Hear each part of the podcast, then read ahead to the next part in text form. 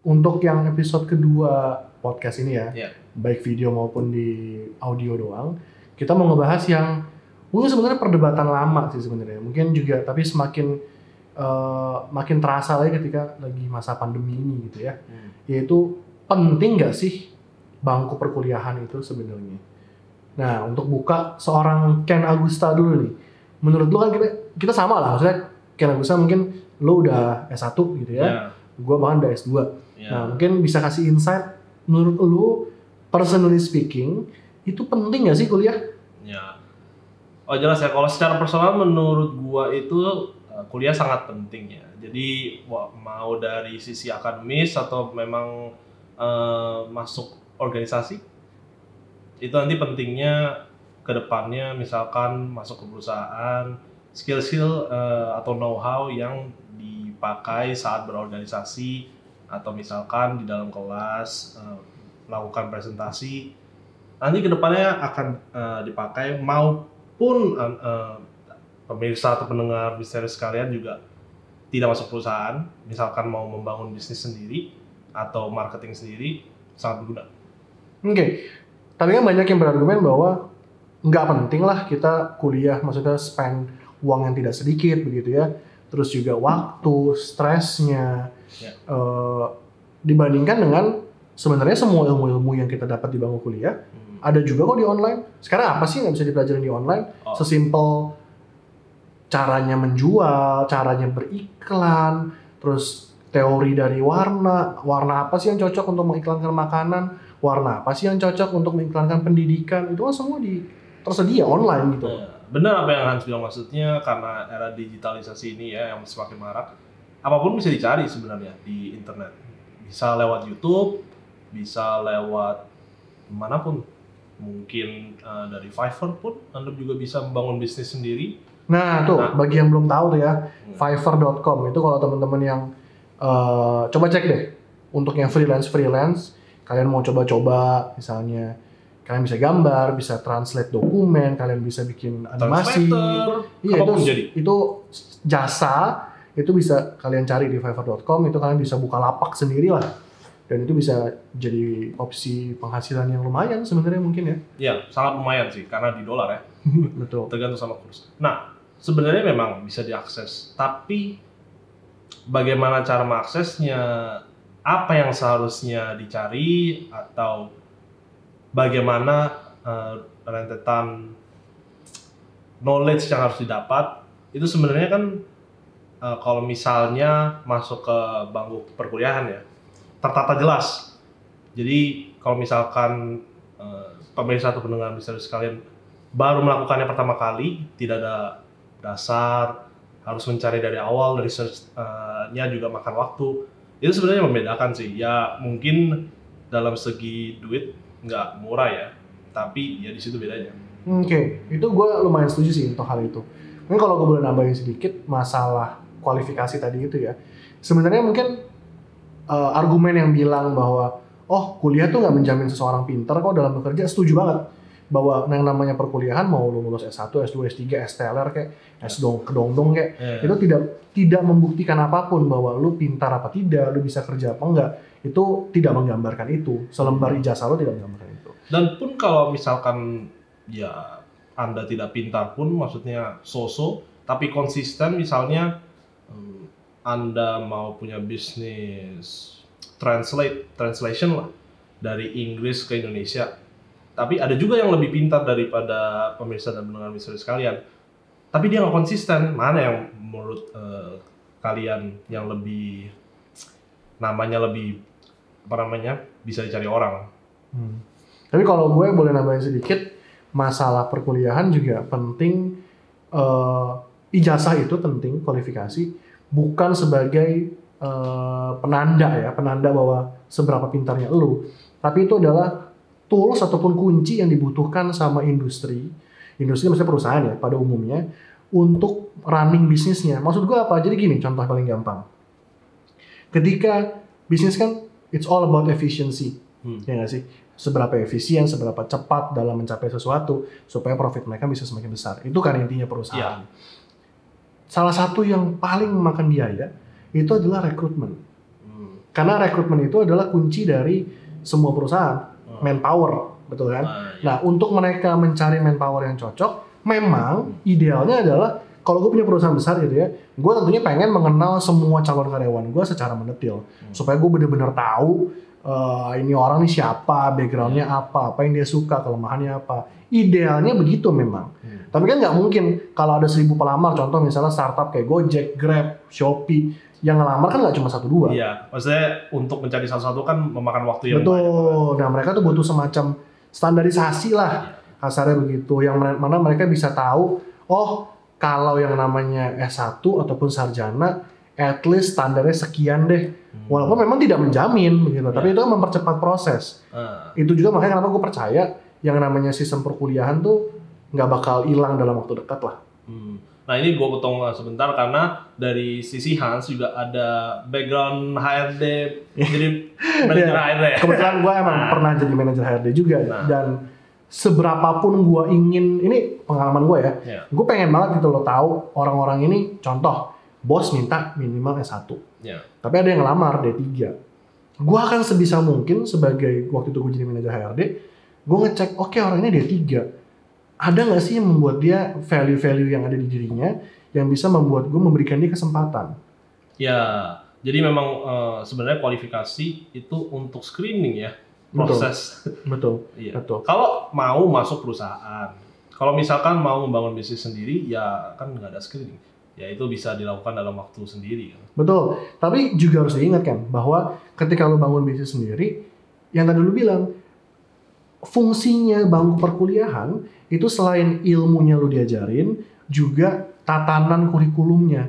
Karena lu Iya. bilang gitu kan bahwa lu udah dikasih gitu loh planning, makanya juga kan bikin kurikulum nggak bercanda. Ya, silabus gitu ya maksudnya. Iya, maksudnya kayak, oh pelajaran ini kalau lo mau tahu cara bikin jadi marketing yang baik, oh startnya dari sini loh, dari A dulu, terus kita belajar B, belajar C, belajar D, supaya komprehensif. Ya. Sementara mungkin kalau lo riset sendiri, lu Lompat-lompat. Iya, lu D dulu, baru B, baru A, baru C.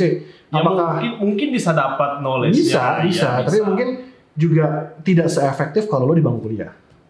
Ya, ya, ya benar, setuju setuju. Nah, selain itu menurut gua kuliah juga penting kalau kita lagi bicarakan eh, profesi-profesi yang profesional gitu ya. Yang benar-benar teknis gitu. Ya, yang benar Know- teknis banget. Know-how yang memang Betul. tidak bisa dipelajari di internet. Tapi sebenarnya kalau misalkan ya kecuali dokter bedah gitu ya, yang mungkin belajar dari video juga belum tentu bisa dan mungkin akses d- tubuh manusia mungkin tidak semua orang Menurut bisa. gua nggak cuma dokter doang.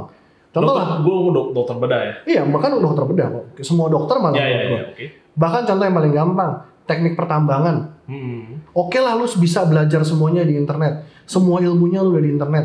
Balik lagi ke masalah utama. Lu datang ke perusahaan perminyakan. Ya kan? Lu datang, Pak saya mau ngelamar. Kamu udah belajar apa? Saya udah belajar semua Pak dari internet.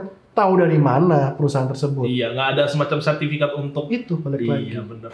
Balik lagi kita ngomongin soal standarisasi di dunia nyata. Setuju memang bahwa zaman sekarang tuh internet membuka banyak sekali akses ya Iya. ke pendidikan-pendidikan, tapi secara nyata yang namanya bangku perkuliahan yang tetap penting. Jadi buat teman-teman yang mungkin masih SMA atau mungkin yang lagi galau mau kuliah apa enggak, kalau memang kalian bisa, Dan duitnya ada ya. ya ada duitnya ada, Go for it. no brainer sih, itu harus Iya. kalian harus kuliah. Mulai dari ini kita lagi bahas masalah akademis ya baru. Ya, ya kan? Aku contoh paling gampang yang lainnya.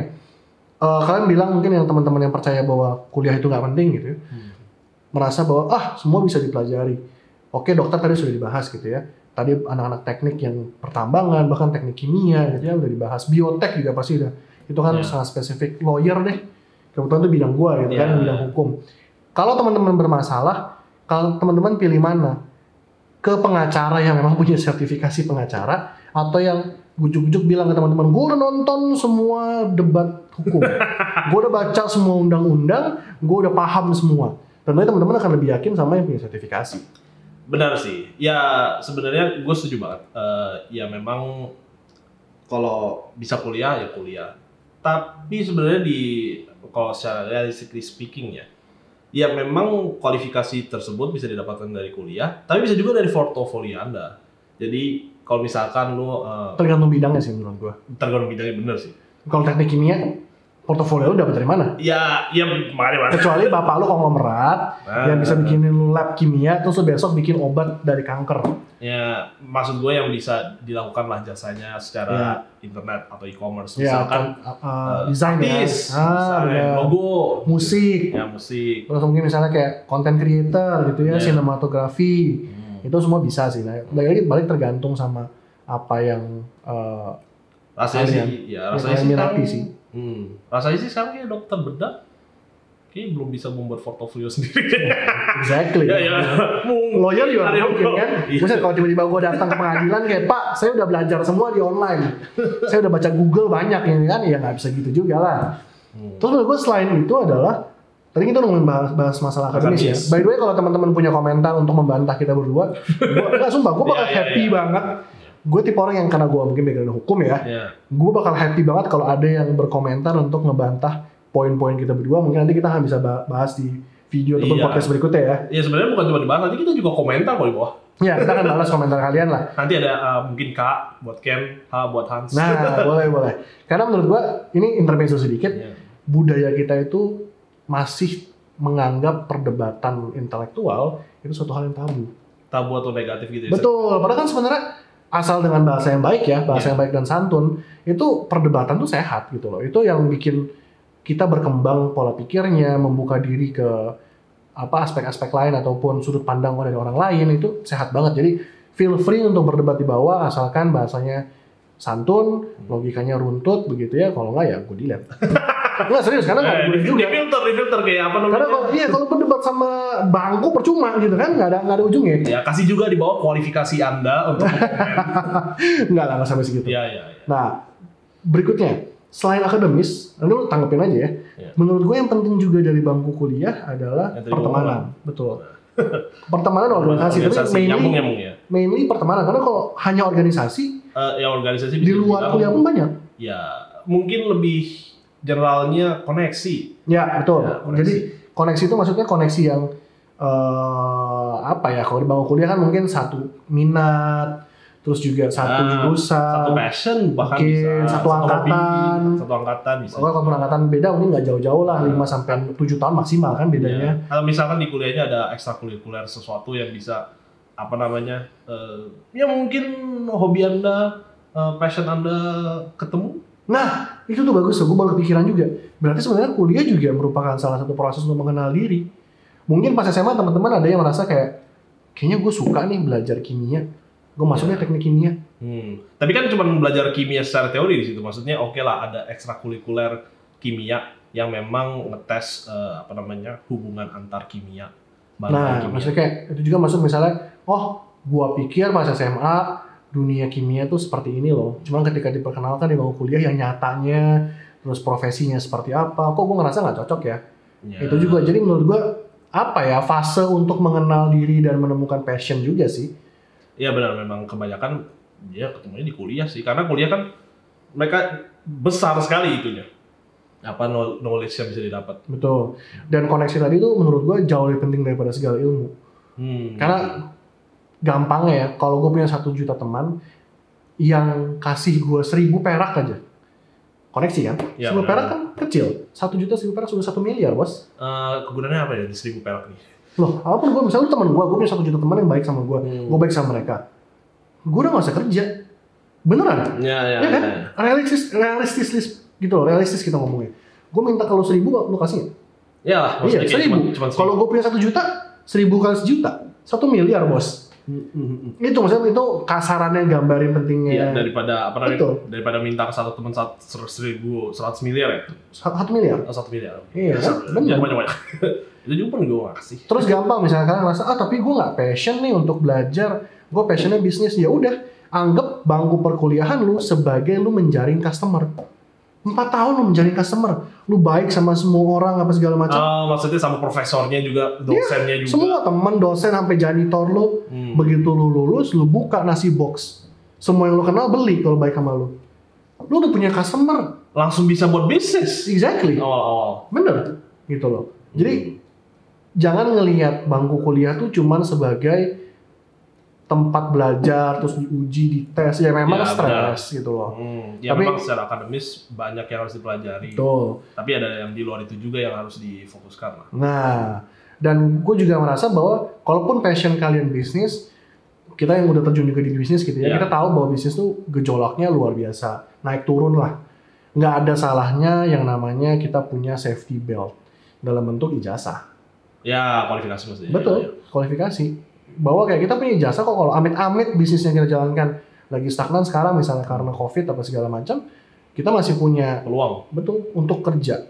Sebenarnya kalau teman-teman kasarnya cuman lulusan SMA yang juga mungkin teman-teman nggak mau kerja kasar gitu ya, Hmm. merasa kayak gue eh, gue hebat nih, gue keren kok masa gue kerja kasar. Ya kalau teman-teman nggak punya kualifikasi susah juga.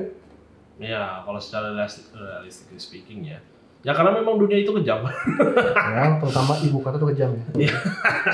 gitu. Jadi ya, nah kalau organisasi menurut lo kenapa penting? Kan banyak tuh teman-teman yang kupu-kupu sih istilahnya kuliah pulang kuliah pulang kita ngomongnya sebelum covid ya kalau sekarang pulang pulang nah lu kalian kuliah Pupu, siapa pupu? Iya pulang pulang karena kan lu kuliahnya di Jepang lu Iya, nggak istilah iya, itu ini bapak Prakoso di balik layar pasti tahu nih kupu-kupu istilah kupu-kupu Iya, pulang. Kuliah pulang kuliah pulang gitu kan. Ya, jam datang kelas masuk kosan. Datang kelas masuk kosan gitu kan. Mentok-mentok beli warteg di depan. Mau pesan nasi goreng. Tapi kalau di Jepang, nah, gue bisa begitu. Karena kuliahnya ada di gunung. Kalau gue telat sedikit, tetap pulang kan kan? Tetap pulang kuliah pulang kuliah pulang kan? Iya wow. Ya, iya itu exactly. Itu yang menggambarkan bahwa lo nggak ikut kegiatan lain selain akademik di kampus lo. Karena kenapa Ah. penting menurut lo akademik? Eh non akademik maaf. Ya. Karena eh, sebenarnya gue bukan kupu-kupu, gue gue masuk organisasi nih di kuliah.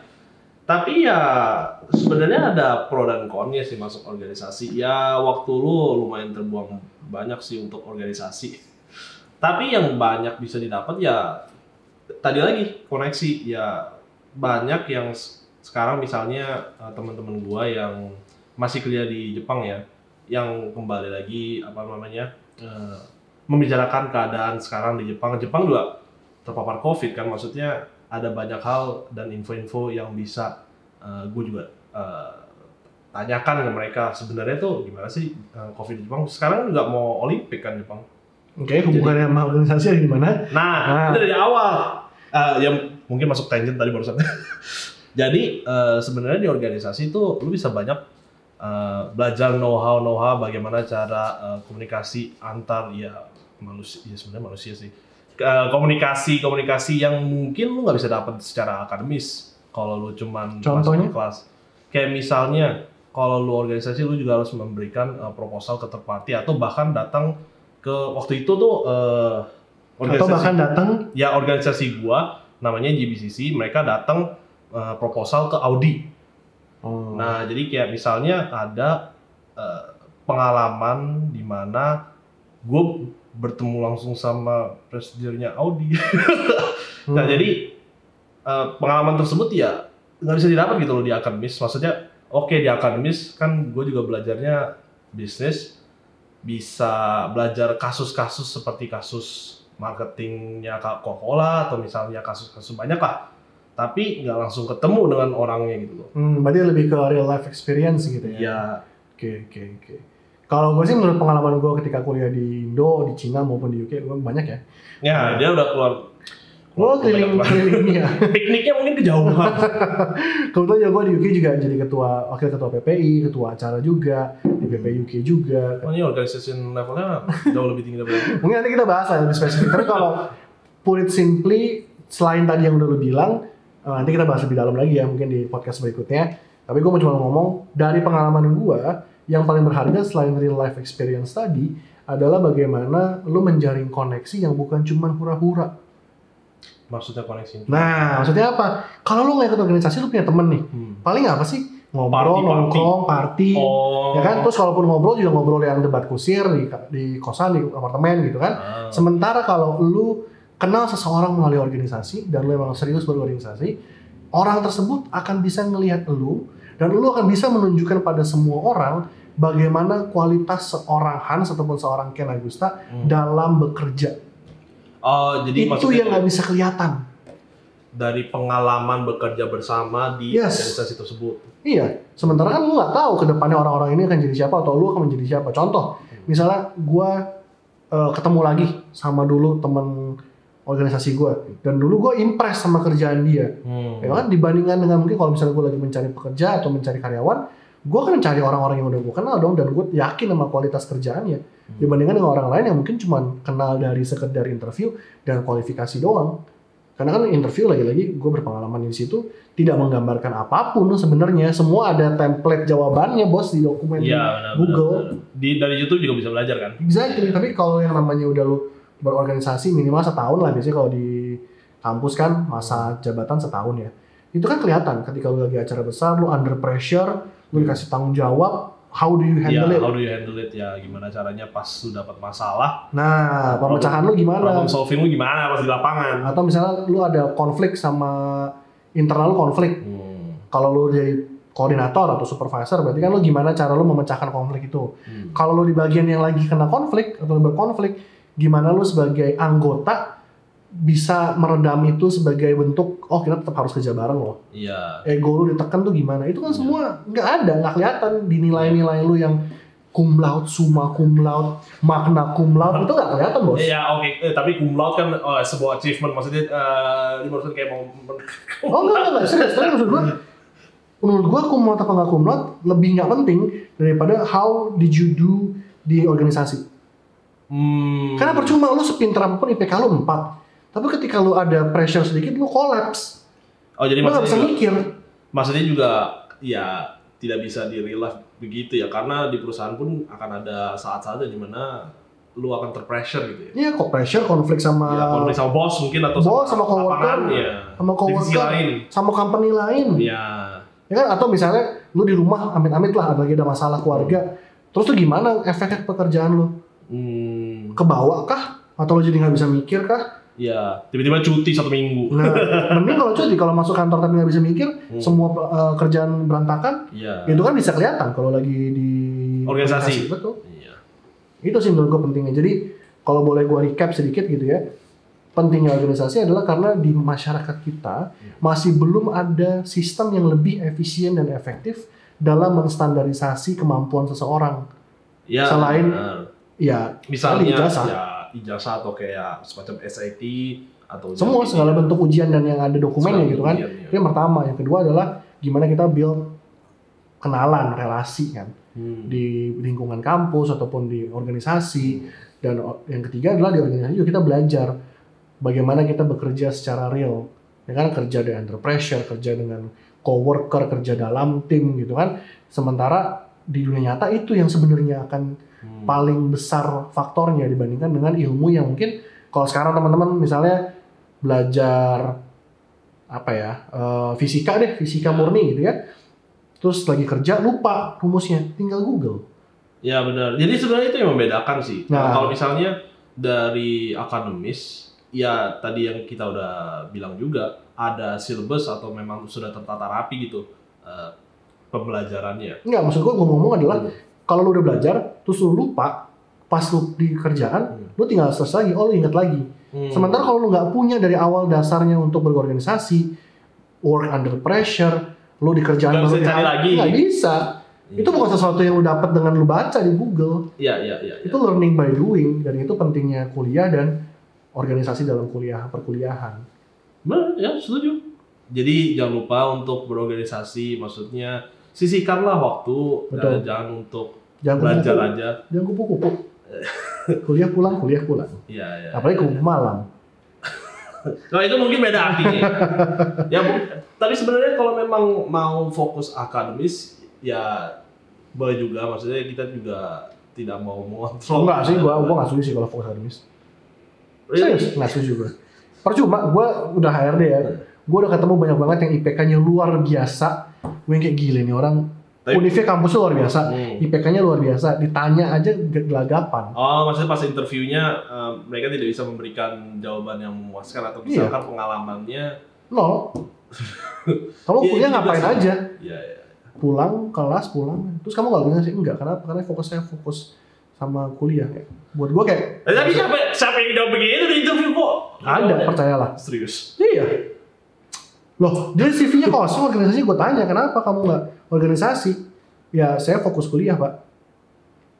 Saya memastikan saya mendapatkan yang terbaik di kuliah saya. Oke. Iya kan, kayak gitu. Nanti kita bahas lagi lah. Kalau tips-tips untuk apa sih yang dicari sama HRD? Ini Iya, kalau teman-teman iya, tertarik, gue juga bisa sharing lah ya. Jadi ya no no deh. Jauh begitu. Itu tergantung juga, mungkin ada juga yang nyari begitu. Jadi mungkin kalau teman-teman uh, ada yang pengen denger tips-tips mengenai interview atau apa sih yang dilihat sama HRD ketika interview itu boleh komen di bawah. Hmm. Nanti kita akan bikinkan podcast sama videonya gitu ya. Tapi yang udah pasti berarti kita utang tuh dua itu. Ya kan? Iya, Organisasi, iya, organisasi sama perkuliahin sama HRD. HRD ya. Proses rekrutmen lah. Nah, kebetulan ada Bisa lah sharing gitu. Oke, mungkin untuk episode kali ini cukup segitu aja. ya bagi yang menonton dari YouTube bisa like, subscribe, mungkin komentar yang tadi ditunggu-tunggu komentarnya nggak ditulis-tulis. Tulis. Nah, yang untuk podcast silahkan eh, tunggu untuk podcast selanjutnya. Atau bisa Podcast- dengar yang sebelumnya. Ya, yang sebelumnya. Di share boleh lah untuk teman-temannya yang mungkin ngotot nggak mau kuliah tuh. Ya, ya, ya. Kampret-kampret itu yang nggak mau kuliah. Share mungkin 10 kali, jadi kayak dia jadi mau kuliah. Ya mungkin gitu. Nah, membantu. Atau suruh dia komen. Nah, Kan dia punya argumen tuh pasti. iya, Suruh dia komen. nanti kita akan coba ubah. Siapa tahu gue kalah komentar gue kan. Siapa tahu gue kalah gitu. Ya nggak apa-apa juga, namanya berdebat kan kita. Iya, iya. Oke, sampai ketemu di episode berikutnya. Oke, Terima kasih.